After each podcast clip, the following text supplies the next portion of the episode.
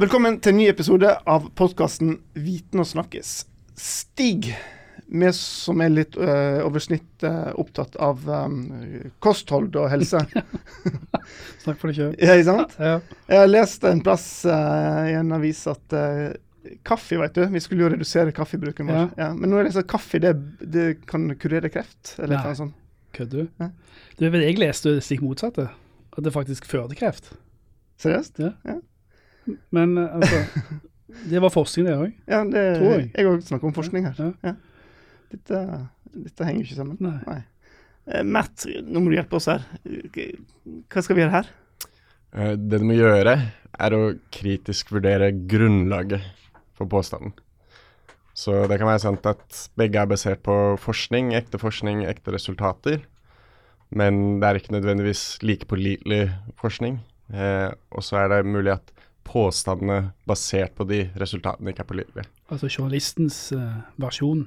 Ja, Ja. og forskerens versjon, eh, det de skriver i pressemeldinger også, kan være upålitelig.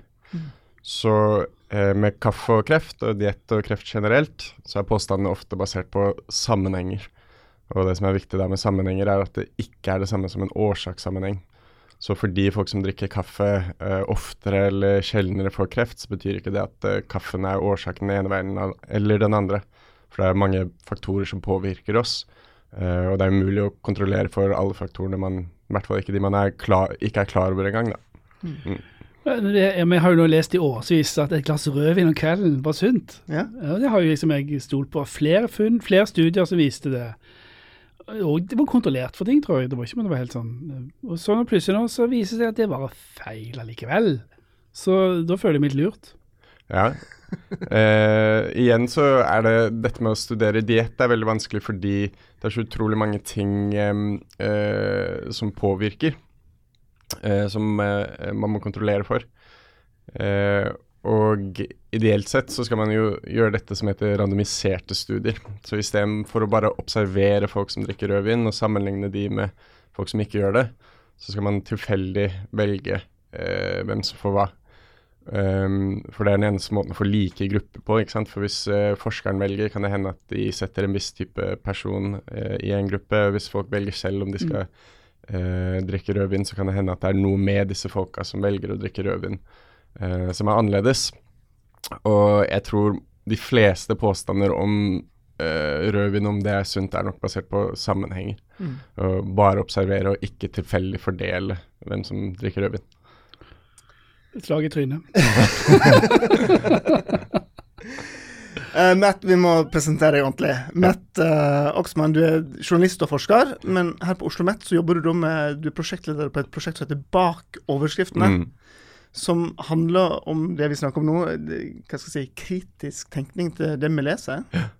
Så målet til prosjektet er å hjelpe studenter her på Oslo Met, uh, også på sikt studenter andre steder og folk flest, å kritisk vurdere den type påstander som dere snakker om. Og ikke bare om eh, rødvin og kaffe og hva man drikker og hva man spiser, men også alt, eh, alle mulige tiltak, helsetiltak, så ting du gjør eh, fordi du tror det er sunt. Så det kan være medisin, det kan være såkalt alternativ medisin, treningsrutiner, verktøy, liksom apper, hva som helst. Eh, Så målet er å, å gi studenter noen eh, grunnleggende ferdigheter som de trenger for å vurdere den type påstander, sånn at de kan ta velinformerte valg. Og de studentene som studerer helsefag, eh, det er spesielt viktig for dem, sånn at de skal kunne hjelpe pasienter å ta eh, velinformerte valg. Men men Hvorfor trenger vi dette som et prosjekt her? Altså, er ikke studentene godt nok rusta i utgangspunktet til å tenke kritisk? Eh, nei, jeg tror ikke det. Jeg tror ikke de fleste grupper i samfunnet er godt nok uh, rusta, fordi det har ikke vært nok eh, eh, fokus på det på, i skolen uh, tradisjonelt. Så vi trenger nye tiltak for å gi folk disse ferdighetene. Så kritisk tenking må inn tidlig. Ja, riktig. Er det fra barneskolen? Ja, Så jeg har vært med på det prosjektet hvor vi har laget ting til barneskolen, men det holder ikke det heller. Jeg tror man trenger tiltak igjen og igjen i løpet av utdanningen for å bygge på det man har lært, og lære mer. Du tror vi trenger etter- og videreutdanning for folk som oss, så vi ikke går fem på sånne teite rødvinsnyheter. er det påstander i media, da, eller er det påstander fra forskningsartikkelen selv? Det er påstander kan være i forskningsartikkelen, Mm. det kan være i pressemeldingen fra universitetet eller journalen. Eh, det kan være fra em, eh, kommunikasjonsavdelingen på universitetet. det kan være eh, i pressen, det kan være eh, noen rundt middagsbordet, det kan være noen eh, på sosiale medier. Det er jo overalt. Det høres veldig krevende ut, da. på sånne enkle mennesker som jeg og Halvard. så Vi kan ikke sitte og vurdere kritisk alt vi leser. Vi leser jo fryktelig mye. Sant? Ja. så det Ja, det er veldig mye, men godnyheten er at det er eh, ikke så mange prinsipper du må kunne for å eh, vurdere de aller fleste påstander Ja, og avfeie eh, ganske mye som er upålitelig. Mm. Men du kan ikke si, si litt mer om disse prinsippene her, for det, det er en del av denne prosjektet. her, Disse her grunnleggende prinsipper for å vurdere påstander som dere har, har fått eh, skrevet ned. Altså, Ja. Hva slags prinsipp er dette her? Så dette er et prosjekt jeg har vært med på, hvor vi har utviklet et rammeverk med prinsipp som du må forstå for å vurdere helsepåstander og ta gode valg. Uh, og så i, i pensum for, eh, eller læreplan eller hva det heter nå, for grunnskolen f.eks., så står det at uh, elever skal kunne kritisk vurdere helsepåstander i media. Men hva betyr det? ikke sant? Mm. Så det dette rammeverket gjør, er å bryte den egenskapen ned i liksom minste bitene. Så det er en slags um, grunnstoffstabell for å ta velinformerte avgjørelser. Og De er organisert i tre grupper. Det oppdateres årlig, det rammeverket, men det er uh, litt over 40 prinsipp nå. Og den første gruppen med prinsipp er um, vanlige, upålitelige grunnlag for påstander. Så sånn sammenhenger, som vi snakket om tidligere, men også eh, personlige erfaringer, f.eks. Det at noen har brukt et tiltak én gang og blitt eh, frisk, betyr ikke at det var tiltaket som gjorde personen frisk.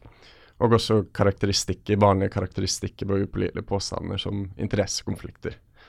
Um, den andre gruppen handler om hvordan forskere uh, må sammenligne behandlinger, uh, tiltak, ikke bare behandlinger, for å finne ut mer om effektene, for å produsere pålitelig forskning. Eh, og hvordan presentere de resultatene på en pålitelig måte. Så forskningsmetode ved det. Ja, riktig. Så da kommer eh, randomisering eh, inn, f.eks., som vi snakket om. Og så er den siste gruppen om subjektive vurderinger som vi må ta når vi skal velge om vi skal bruke tiltak eller ikke. Vi må f.eks. veie potensielle negative og positive konsekvenser. Og, vi må vurdere om vi ser på forskning om utfallet som ble målt i studien, er utfallet som egentlig er viktigst for oss. Ja. Men dette krever jo mer av oss, altså både studenter og vi som skal lese her, at det, holder ikke lenge bare å lese den artikkelen i avisa. Du må faktisk sette deg ned og gjøre videre undersøkelser. Jeg vet ikke hvor mye du må videreundersøke. Altså, jeg tenker, tenker på det på denne måten. Vanligvis har man fortalt folk hva som er eh, pålitelig, og hva de burde gjøre. Og da kan det hende at eh, de tror på deg, og de gjør det du anbefaler, eller at de ikke gjør det. Uh, mens hvis du lærer folk å vurdere grunnlaget selv, og igjen, det er ikke så mye man skal kunne for å avfeie veldig mye som er upålitelig, og for å komme på liksom, rett vei for å ta velinformerte avgjørelser, så kommer de til å kunne uh, vurdere den påstanden som du har gitt dem som et eksempel, og så kommer de til å vurdere, kunne vurdere alle mulige uh, fremtidige påstander med samme grunnlag. Så jeg vil si det egentlig er eh, mye mer effektivt enn å bare fortelle folk hva de skal gjøre. det. Men altså, folk er jo prisgitt at journalister måtte fortelle om forskning, eller Mm. metoden som ligger bak. da. Ellers er det vanskelig måtte, å avgjøre dette altså, falskt eller, eller Ja, men øh, du, du kan si at uh, det ene er at hvis du ser saken og, og journalisten ikke gir den informasjonen, så burde det i hvert fall ringe noen varselbeller, og du burde ikke automatisk da tenke at uh, å, jeg burde drikke masse rødvin. Nei, men de få som går inn i selve altså, den vitenskapelige artikkelen, skal jo litt til for å gidde å klikke inn på den, kanskje? Eh, ja, uh, altså det kan du si, men hvis du da har, kan disse prinsippene, så ville du kanskje være litt mer interessert i kilder til pålitelig helseinformasjon, sånn at du kanskje ikke, kanskje du ikke leste like mange av de artiklene, eller ikke tok de like alvorlig, men hvis du faktisk hadde et pressende helsespørsmål, så ville du gå til et sted med pålitelig informasjon, da. Mm. Eller å gå til uh, helsearbeidere og em, og ha liksom eh, hjelpsomme spørsmål du kunne spørre dem for å Mm. um, ja, finne ut mer. Sjekke med legen, liksom, istedenfor å stole på VG. Ja. Mm. Det høres fornuftig ut. Matt, du, du snakker om de, de, de aller minste òg, at du, du jobber med disse prinsipper for å lære de minste. Hvor unge er de? Kan de minste lære kritisk tenkning på den måten her? Dette var barn i femte klasse, eh, og eh, Vi testet de kvalitativt. Altså vi testet eh, liksom eh, om eh, barna og underviserne likte dem og sånn i eh, Norge og tre østafrikanske land, Kenya, Rwanda og Uganda. Og så tester vi det i en stor studie i Uganda. Eh, så i Uganda i 5. klasse er det vel samme som her, at du er 10-11 år gammel i utgangspunktet. Hva var det dere de, fikk øve seg på, og hva var det dere testa? Så vi valgte ut eh, litt over ti av de prinsippene fra det rammeverket som vi trodde barn kunne mestre. Og så utviklet vi et undervisningstiltak som var tilpasset deres eh, behov og preferanser. Så det vi endte opp med å lage, var en lærebok, som også er en tegneserie, som tar dem gjennom de prinsippene. Eh, og da er den tegneserien handler om to barn, hvor det ene barnet har hørt en påstand om at hvis du altså, har brent fingeren og stikker den i kumøkk, så vil det liksom eh, eh, hjelpe. Og det er en vanlig påstand i Øst-Afrika, også noen andre steder, tror jeg. Og så får eh, dette barnet John for en infeksjon, og så eh, går de til klinikken, og der møter de to professorer, to leger og helseforskere. Eh, og de blir enige om at eh, disse helseforskerne skal hjelpe dem å em, lære mer om hvordan man faktisk finner ut om eh, hva effekten av noe er, da. Oh, good afternoon, children. My name is Professor Compare. And I'm Professor Fair. Nice to meet you, children. Good afternoon, professors. I am Julie. Good afternoon. I am John. Is everything okay, John and Julie? No, I put cow down on this bun and now I have an infection. But my friend Sarah says she put cow dung on her bun and the bun healed. So she says cow dung heals buns. What Sarah said was wrong. Next time, use cold water. It will reduce the pain. Then wait, and the ban will go away. Spennende. Ja. Ja. Og, og barna tok det? Ja, så vi ikke sant? Det ville vært ganske hyklersk av oss hvis vi driver og forteller disse barna ja, at eh, hvis du skal finne ut om noe funker, så må du teste det i rettferdige sammenligninger. Store randomiserte studier. Det er krevende. Og, ja, og så, og så eh, lage disse ressursene og så bare anta at de var hjelpsomme. ikke sant? Så da eh, gjorde vi en stor eh, randomisert studie. Vi hadde over 10 000 barn som var med. Og så var det tilfeldig hvilke skoler som fikk ressursene. Og så i løpet av et semester så brukte eh, de skolene som fikk ressursene dem, og så de andre gjorde det de ellers ville gjort. Og så tok de samme prøve, hvor de får sånne flervalgsoppgaver som, eh, eh, hvor det er noen som har gjort en påstand, og så må de svare hvor pålitelig den påstanden er, og hvorfor ikke. Og da var det barna som hadde brukt ressursene, som gjorde det betydelig bedre på den prøven. Mm. Så det funker, selv Det for sånne barn. barn. Så det er forhåpentligvis da å ta med seg eh, denne kunnskapen videre opp i høyere utdanning òg. Ja, ja absolutt. Og jeg tror man trenger da, som sagt tidligere, tiltak ved ehm, eh, på en måte flere anledninger i løpet av uh, utdanningen. Men Matt, hvorfor Uganda av alle land? Så tanken er ikke at folk tenker mindre kritisk eh, i et lavinntektsland som Uganda, eh, eller at det er mer behov for kritisk tenkning der, men at jo mindre du har, altså ressurser, jo mindre har du å kaste bort på dårlige valg. Så dårlige valg har større konsekvenser i lavinntektsland. Men det er eh, absolutt behov for eh, kritisk tenkning i Norge og Uganda overalt. overalt. Er det like mye masse rare påstander disse befolkningen i disse landene her opplever som vi gjør i, i disse rike i-landene? Jeg tror det er uh, like mange upålitelige påstander, bare litt uh, annerledes slag. Ja. Annerledes slag? typer. Ja, der kan det være uh, heksedoktor og urtetiltak, mens her er det liksom influensere og jeg vet ikke. Varme hender. Ja, ja presis.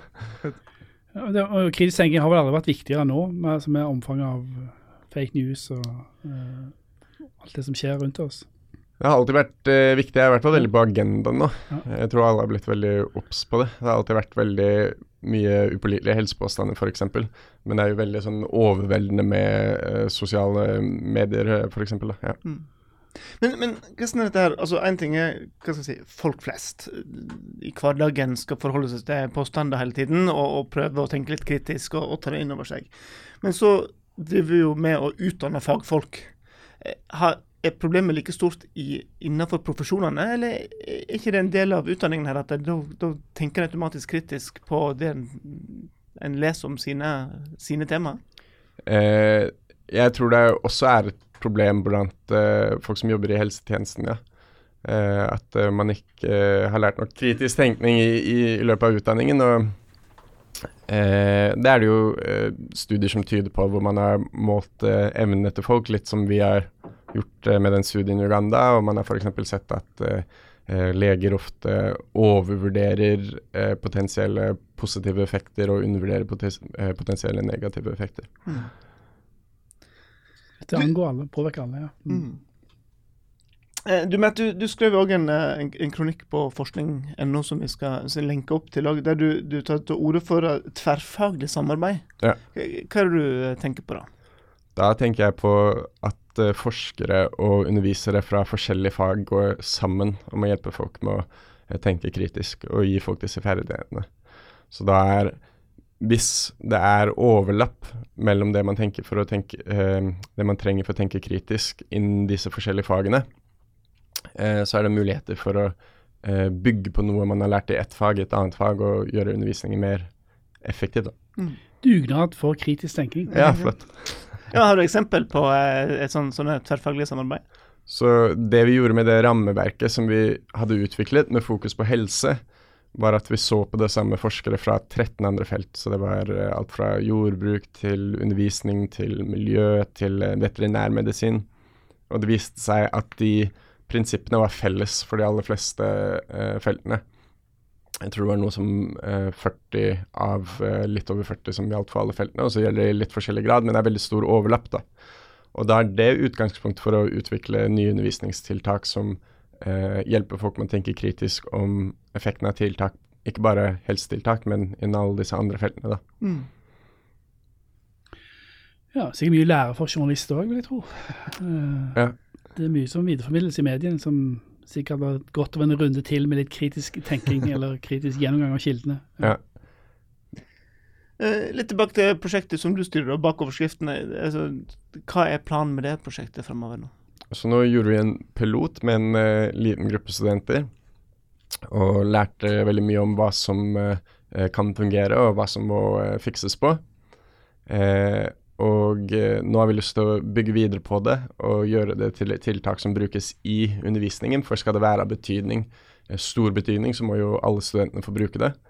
I tillegg til å videreutvikle det som en slags journalistisk publikasjon, da. Vi skal publisere um, Ja, så eh, tiltaket går ut på at studentene får en innføring i noen av disse prinsippene. Og så går det og finner eh, påstander i media, eh, bryter ned dem. ikke sant? Hva er egentlig tiltaket det påstås noe om her? Hva er utfallet, hva er grunnlaget? Og så finner de et relevant prinsipp, og så skriver de selv populærvitenskapelige saker hvor de illustrerer disse prinsippene. veldig nyttig folkeopplysning for oss som tror på dårlige nyheter. Kaffe og rødvin. Det tror jeg er veldig nyttig. Men uh, Matt, er ikke dette egentlig journalistenes ansvar? Å sørge for uh, å være kritisk til det han formidler videre, eller hun formidler videre? Så det er veldig mange uh, flinke helsejournalister som gjør en veldig god jobb. En del av problemet er at journalister ikke har god tid, verken til å produsere sakene eller til å få opplæring i disse prinsippene. Eh, et annet problem er at eh, det er mye press på dem til å lage saker, eh, overskrifter som tiltrekker publikum, men ikke nødvendigvis informerer publikum så godt. Og det kan føre til at saker og overskrifter blir litt mer sensasjonelle og litt mindre pålitelige. Velkjent problem. Ja. Og i tillegg så, la oss si man eh, fikk journalister så flinke at alle nyhetene de produserte var helt pålitelige, så ville folk uansett blitt utsatt for upålitelige påstander i andre sammenhenger. Og da, eh, hvis de ikke selv klarer å vurdere grunnlaget, så blir det bare ord mot ord, ikke sant. Ja, selv om forskerne også er uenige om ting, så blir det jo vanskelig å finne hva Ja, som er riktig. Ja. Men, men en ting er jo kritisk eh, tenkning rundt påstander en, en opplever i hverdagen. Men kan folk nok om forskning i seg sjøl? Altså hvordan forskning skjer, og, og hvordan ny kunnskap blir til? For, altså, det, for det er jo en komplisert sfære som går over lang tid. Pågående I- prosess hele veien. Ja, ikke sant? Eh, nei, altså jeg vil si det er noen eh, viktige prinsipp for eh, forskning som de fleste ikke kan, og som de burde kunne. hvor mye skal en forvente av folk å, å kunne grunnleggende forskningsteori? Ja. Så det rammeverket, de prinsippene, er tanken at folk flest um, burde vite de, og evner å, eh, å mestre de prinsippene. Og så er det i tillegg mange andre prinsipp som man må kunne for å virkelig grundig vurdere en studie. Så det er ikke sånn at forventningen er at eh, folk flest skal gå og søke opp studien og kritisk vurdere den uh, altså linje for linje, og søke opp all annen relevant litteratur og kritisk vurdere den. Men det er at uh, folk skal selv klare å avfeie en del påstander. Og å spørre noen sånne mm, helt essensielle spørsmål som skal liksom sende dem i rett retning til kilder for pålitelig helseinformasjon og til ja. Altså enkel test man sjøl kan gjøre når man leser Ja, ting. At liksom, ja, det her virker ikke helt. Ja, Ja, da er det ja. i hvert fall ikke greit å ikke gå rett fem på. få noen varsellamper til å ringe. Ja. Ja. Mm. Det burde nesten vært en regel om at mediene ikke fikk lov å skrive om annet enn opps altså, oppsummerende studier. Oversiktsstudier. Ja, Oversiktsstudier. Ikke få lov til å skrive om eh, enkeltstudier. Det kan jo være enkeltstudier som har eh, viktige pålitelige resultat, men generelt så er det veldig viktig med disse oppsummeringsstudiene. Eh, det ene er at ehm, eh, studier Selv om du har en veldig pålitelig enkeltstudie, så er den ofte ikke stor nok.